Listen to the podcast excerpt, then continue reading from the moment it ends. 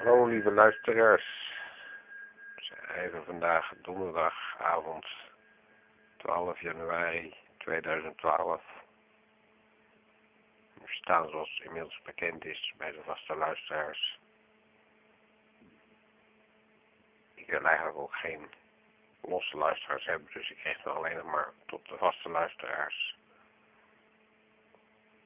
Dus ik ga er ook vanuit dat jullie het geheel hebben gevolgd vanaf eerste aflevering, vanaf de eerste podcasting, omdat je anders de draad niet kunt volgen. En met die aanname die ik mezelf toe-eigen, geef ik mezelf een stuk ruimte erbij. En een stuk vrijheid. Maar ook een stuk intimiteit. En dan kan ik tegen jullie praten als broeders en zusters. Die we aan het eind van de reis ook zullen zijn. En omdat we als broeders en zusters met elkaar leven. En ik jullie op gelijkwaardig niveau behandel. Met jullie omga. Mijn woorden, mijn gedachten, mijn energie met jullie deel. Hier hebben we aan het eind van het verhaal, aan het einde van de reis op 21 december, het eenheidsbewustzijn. Dit geheel in lijn met de slogan van het Paramani-huis, eenheidsbesef en verbroedering door bewustwording. We weten, we kennen allemaal de uitdrukking twee zielen één gedachte. Ik heb er vandaag een www aan gewijd op mijn huis. Om die door te geven aan de rest. Het zijn zaadjes, als het ware, die ik in de grond stop. En iedere passant die dat leest, die plant dat zaadje in het gedachtenpark in zijn hoofd. En het gedachtenpark is voor mij een andere benaming voor de belevingswereld die het ego in het hoofd heeft gebouwd. Anderen kennen het als de matrix of de box. Maar het gedachtenpark is makkelijk om te om, onder, onder te verdelen. Dat is het. Dan kun je bepaalde bomen, bepaalde planten, bepaalde kruiden apart benoemen en toepassen. Bovendien is de natuur onze familie, omdat het allemaal levend is, levende organismen, in de baarmoeder van de kosmos, waar we in gedijen met z'n allen op deze aardbol, die bekend staat als moeder aarde. De Vader in de hemel is inmiddels bekend, is ons individuele hogere weten. En de grid of the force, nee, niet de force, wel de grid, dat is de universele bibliotheek waar de, het hogere weten uit kan putten. Deze staat bekend onder de naam de Akasha. Die akasha is te bereiken door het hogere weten, maar niet vanuit het verstand, niet met het verstand en ook niet met apparatuur. Je kunt nog zo'n hoge antenne op je dak hebben te staan, je zal er geen letter uit ontvangen. Geen klank, geen woord, niets van dat al.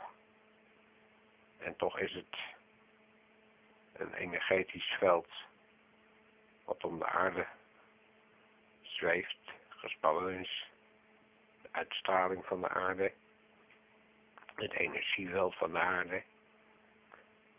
Ik denk dat je het zo het beste kunt omschrijven, het energieveld van de aarde. We weten dat we zelf een aura om ons heen hebben, de uitstraling van ons lijf en alles wat leeft straalt energie uit. En de hooggevoelige mensen, de HSP'ers, die kunnen dat vaak wel waarnemen. En energetische therapeuten kunnen daar ook hun werk mee doen. Dus het energieveld om de aarde is vergelijkbaar met het aura om ons heen. In dat energieveld vinden wij ons eenheidsbewustzijn. Daar heeft ons hogere weten door, door de eeuwen heen, van het begin af aan, dus door alle tijden heen, de toegang toegekregen via de mensen die daarvoor waren bestemd. Die waren als het ware door God uitgekozen. En dat klinkt natuurlijk mooi en verheven, maar is in feite gewoon een natuurlijke selectie, vergelijkbaar met het nut van vlinders, bijen, olifanten, krokodillen, haaien. Alles in, in de natuur dient een bepaald doel en nut. En dan kun je net zo makkelijk zeggen dat ook deze door God zijn geroepen om dat werk te doen. Maar het is gewoon de aard van het beestje. De hoge priesters, de shamanen, de heksen, die zijn niet zozeer door God gekozen, maar zijn gewoon een uitvoersel van hun genenpakket. Het zit in hun rode draad, het is wat ze altijd al waren van meet af aan. De appelboom van twee eeuwen geleden brengt dezelfde appels voort als de appels die vandaag aan de dag uit de boom vallen. De natuur kent zijn eigen orde, zijn eigen systeem, zijn eigen rangorde en pikorde. En in die natuur is de chaos een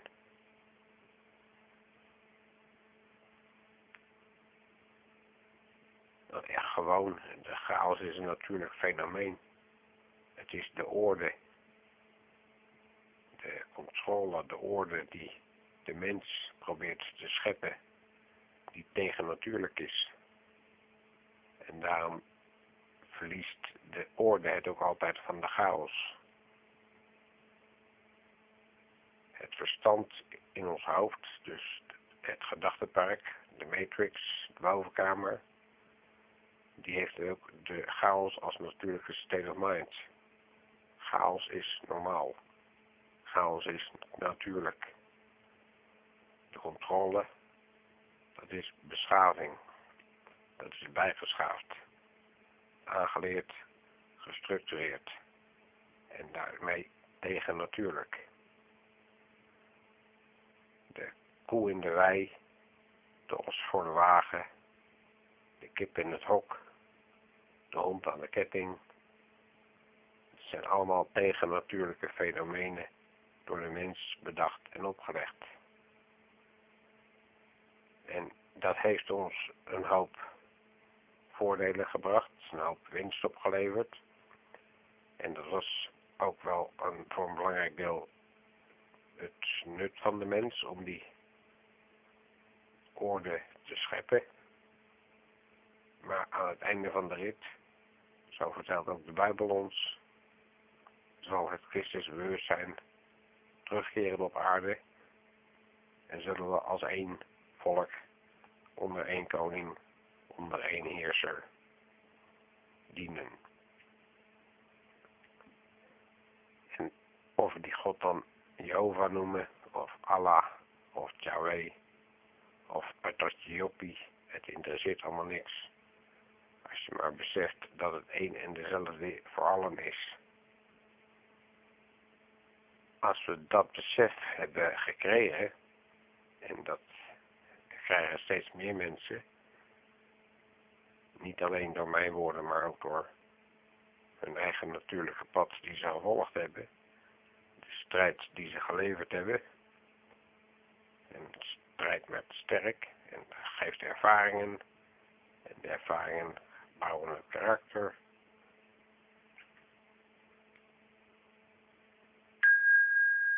Terug midden.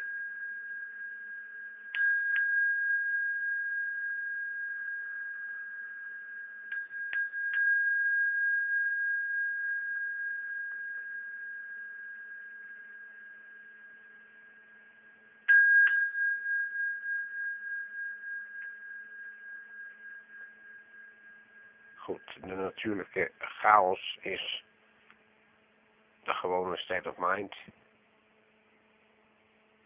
Aan het einde van de weg die we met z'n allen hebben gelopen, onze energetische reis door tijd en ruimte, die een cyclus van minimaal 2600 jaar heeft geduurd. En in het groot een, uit mijn hoofd iets van een aantal miljoen jaar. Moet even de Maya-kalender voor raadplegen, maar dat uh, heb ik zo niet voorhanden. Dus zoek u die voor jezelf maar uit als je dat precies wilt weten. Ik heb me in aanvang van mijn missie, omdat ik op zoek was naar de wereldvrede, en het waarom er geen wereldvrede is, heb ik me beperkt tot de afgelopen 2000 jaren, omdat ik dat ver genoeg terug in de tijd vond gaan. Met 2000 jaar overzien kan het dus makkelijk, of relatief makkelijk, een eeuw vooruit kijken. Dan kun je aan de hand van de patronen die je ontdekt in 2000 jaar, zie je vaste patronen. En die vaste patronen kun je eenvoudig doortrekken naar de toekomst. Dat is een mechaniek, een, een kunstje wat ik mezelf heb eigen gemaakt. En wat eigenlijk ook de shamane manier is. Gewoon met micro-macro-visie. Het instant oorzaak en gevolg zien. Weten waar het vandaan komt en waar het naartoe gaat. En waar het hier en nu is. Met dat kunstje in mijn hoofd, letterlijk, kon ik dus aan de hand van 2000 jaar geschiedenis bekijken hoe de afgelopen 2000 jaar waren verlopen, wie daar aan de touwtjes trokken en wat de koers was die was ingezet en waar de hobbels in de weg zaten. Het was dus gewoon een achterom kijken om vooruit te kunnen kijken. Op dezelfde wijze heb ik mijn eigen leven kunnen overzien doordat ik mijn boek heb geschreven met daarin mijn eigen biografie. Ik was op dat moment 40, 38 tot 40 jaar. Ik heb er 2,5 jaar aan gewerkt. Vandaar 38 tot 40 jaar. En in die tijd zag ik, overzag ik mijn leven. Zag ik de rode draad ook van mijn leven. Omdat er een duidelijke lijn in zat. En alles wat ik op dat moment zelf niet gepland had. Dus ik sprong altijd van dag naar dag, van ervaring naar ervaring, zonder een bepaald doel voor ogen. Gewoon leven zoals mij dat goed dunkte. En pas op mijn veertigste achterom kijkend, stilstaand, de balans opmakend, zag ik de lijn die er eigenlijk doorheen liep. Vergelijkbaar met de chaostheorie. En die rode draad die ik daarin zag, die kon ik dus vrij eenvoudig doortrekken naar de toekomst. En sindsdien is mijn leven in een opwaartse spiraal geraakt. En heb ik het lot en heft in eigen hand. Bepaal mijn eigen leven aan de hand van het scenario dat ik zelf schrijf. Het is een belangrijk gegeven, omdat een aantal mensen op mijn pad diezelfde gedachten wel al hebben, maar niet eigen konden maken, omdat het net even te onmogelijk lijkt. Maar het is dus niet onmogelijk om je eigen leven te schrijven, om je eigen pad te banen. Het is eigenlijk gewoon een logische zet. Je zaait in je oogst. Ik drink even mijn thee op voordat het helemaal koud wordt. Dus even pauze. Dan ga ik gewoon door met opname hoor, maar ik zeg alleen even pauze.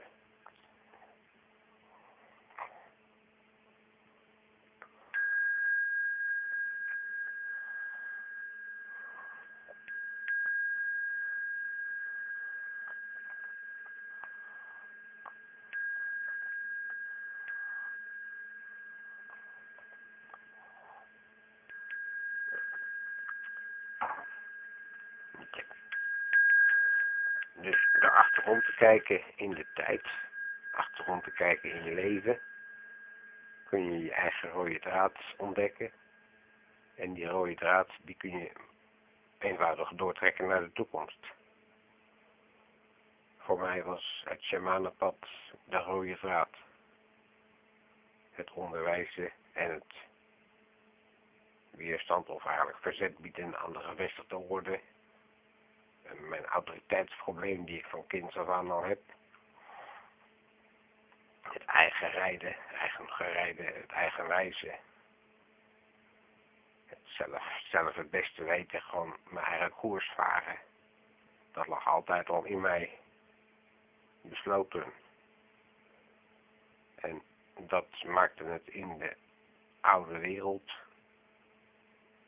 nagenoeg onmogelijk om te overleven, om te handhaven. Omdat daar de wereld wordt geleid door de verwachtingen van anderen. En zolang je aan de verwachtingen van anderen wilt voldoen, kun je jezelf overeind houden. Maar als je je eigen verwachtingen als leidraad wil houden, dan stoot je een heleboel mensen voor het hoofd en isoleer je jezelf van de kudde. En die kudde die wordt, nou ik mag wel zeggen, die werd in verleden tijd inmiddels als veilig gezien. Het sociale netwerk, het buurtje, de collega's, de familie, noem maar op. We hebben allemaal ons sociale netwerk van mensen die we in onze belevingswereld als vaste patronen hebben omarmd of geaccepteerd of iets daartussenin. Maar dat is dus een,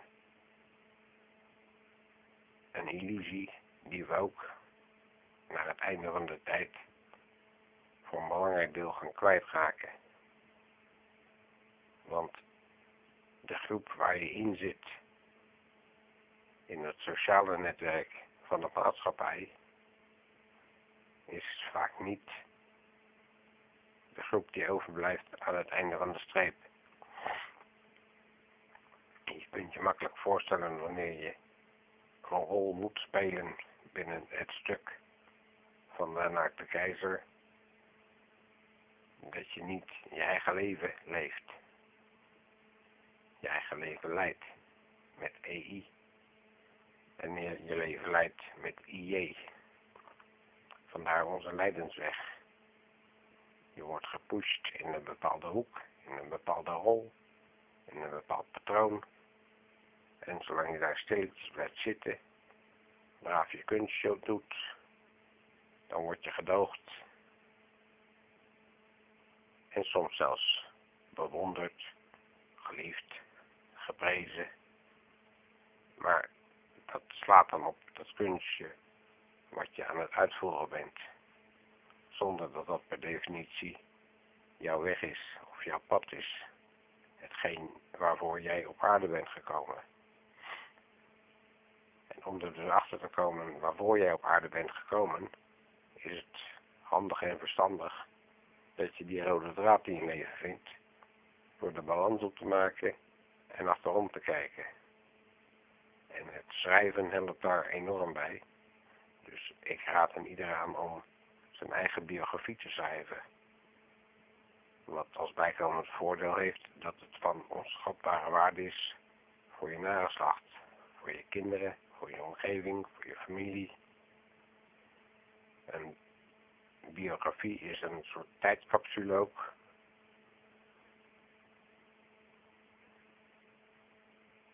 die vol zit met alle lessen die jij hebt geleerd, zodat degenen die na jou komen, daar ook hun lering uit kunnen trekken.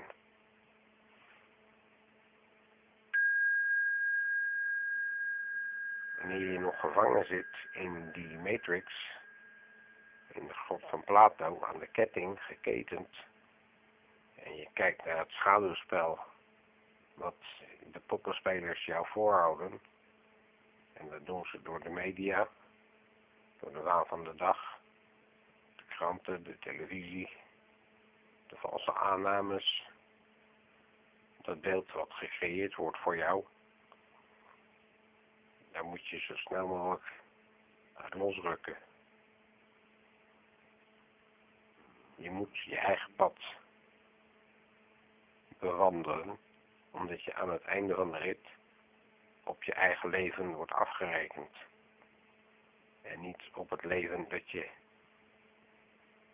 dacht te hebben geleefd. En daarom hebben mensen soms ook moeite met het overlijden of met ziekte, met uh, nog alle andere problemen die zich voordoen in het leven, omdat ze het niet overzien. Ze weten niet waar het goed voor is, waar het toe dient. Ze zijn het overzicht kwijt. En wanneer je het overzicht niet hebt in je leven, en je weet niet wie je bent, en wat je doet, en waar je naartoe gaat, of waar je vandaan komt, dan heb je het leven dus helemaal niet te pakken. Dan leef je niet echt. Dan ben je een comateus schaap in de kudde. De befaamde schiepel noemen wij dat. En niet eens gekscherend, want we vinden het ook wel een beetje zielig. Maar niet meer dan een beetje, omdat de schiepel ons allemaal behoorlijk in de weg lopen. En er zijn er wel heel veel van inmiddels. Op zo'n 7 miljard over de hele aardbol verdeeld. En het verdeeld zijn, dat zorgt voor de ellende. Voor de oorlogen, de hongers. De honger, oorlog, ziekte, criminaliteit,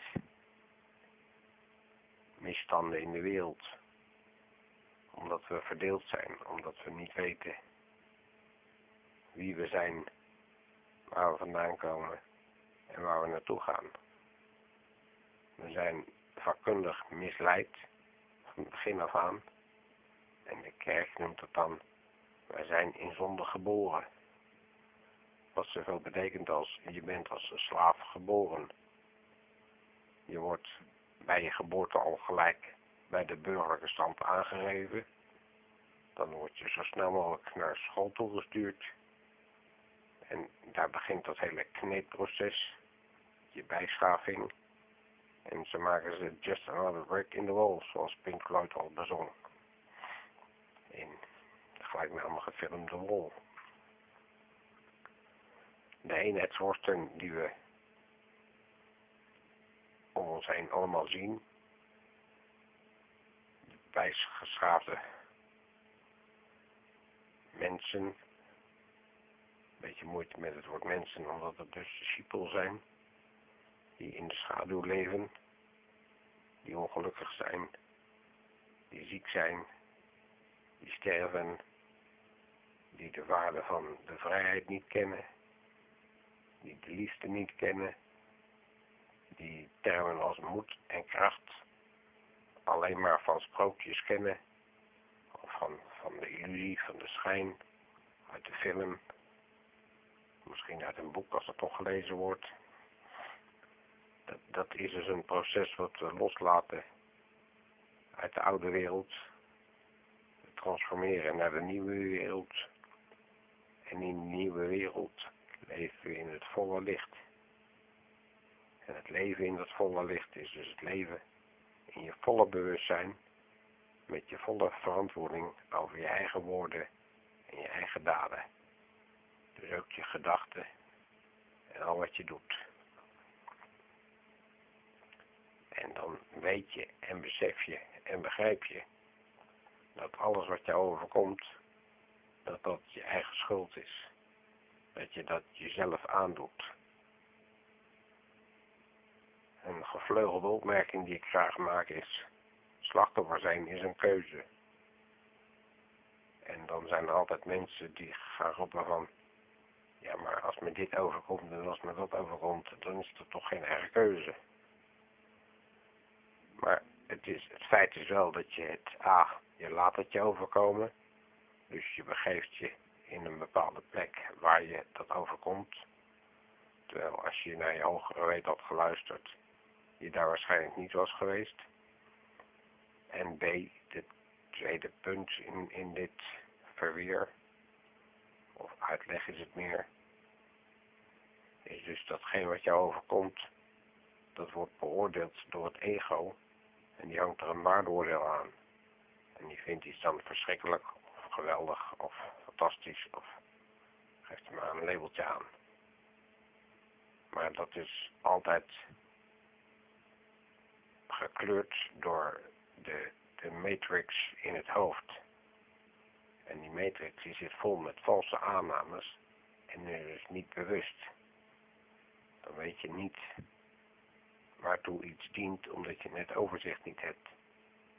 En daarom is dat overzicht van cruciaal belang om te hebben in je eigen leven. Weet wie je bent, weet je waar je vandaan komt en weet je waar je naartoe gaat.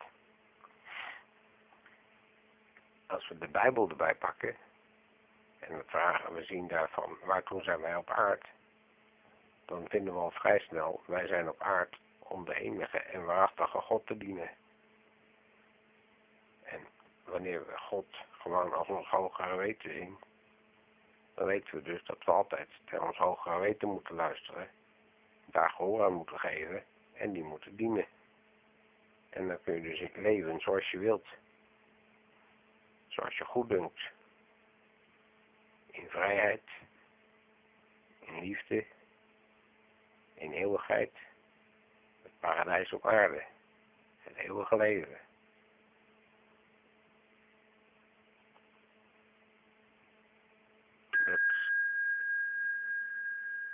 Als, je het van achter, als je het achteraf bekijkt, is het te simpel voor woorden. Maar omdat het zo simpel lijkt achteraf, wordt er op voorhand te weinig geloof aan gehecht, omdat het zo simpel niet kan zijn. Maar zo simpel is het echt. God is jouw geweten en daar luister je naar en die dien je. En de rest eromheen is allemaal vervuild, verkundigd, misleid. Vanuit Rome, vanuit de naakte keizer, de voormalige Romeinse keizer, om de verkeerde kalender heen gedraaid, een valse kalender, een valse God nagestreefd, de kerk die de Bijbel heeft verkracht, misbruikt en dat tot op de dag van vandaag volhoudt. De kerk en de Bijbel moeten feitelijk los van elkaar worden gezien. Want de kerk en de Bijbel hebben net zo min met elkaar te maken als de wet en de rechtvaardigheid. De rechter heeft geen enkele bevoegdheid om een oordeel uit te spreken over jou, wanneer jij vrij bent, vrij van geest. Dan ben je je eigen baas.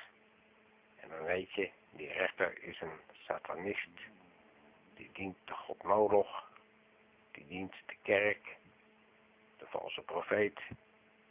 Daar moet je feitelijk van, die moet je van je afwerpen. Dat proces, dat gaan we in, in dit jaar ook veelvuldig tegenkomen. Er is gisteren toevallig weer een officier van justitie neergeschoten in, in Duitsland. En dat is maar weer het begin van een hele lange reeks. Ik krijg net ook de berichten binnen dat de farmacie op het punt van ontknopen staat, zal ik maar voorzichtig zeggen. Omdat er heel veel medicatie wordt voortgeschreven en toegediend om nog meer medicatie te slijten. Mensen krijgen pilletjes voor het een en krijgen daar de andere kwalen bij.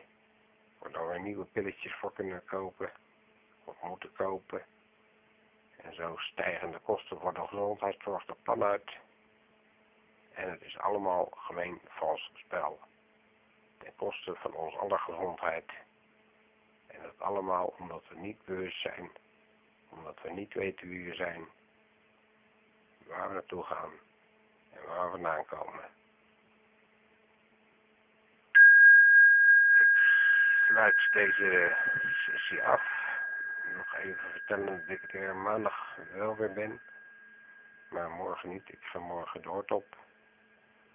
En ik ben het weekend ook de hort op, dus ik ga er een paar dagen tussenuit en ik spreek jullie maandag weer. Pas op jezelf en tot gauw. Doei.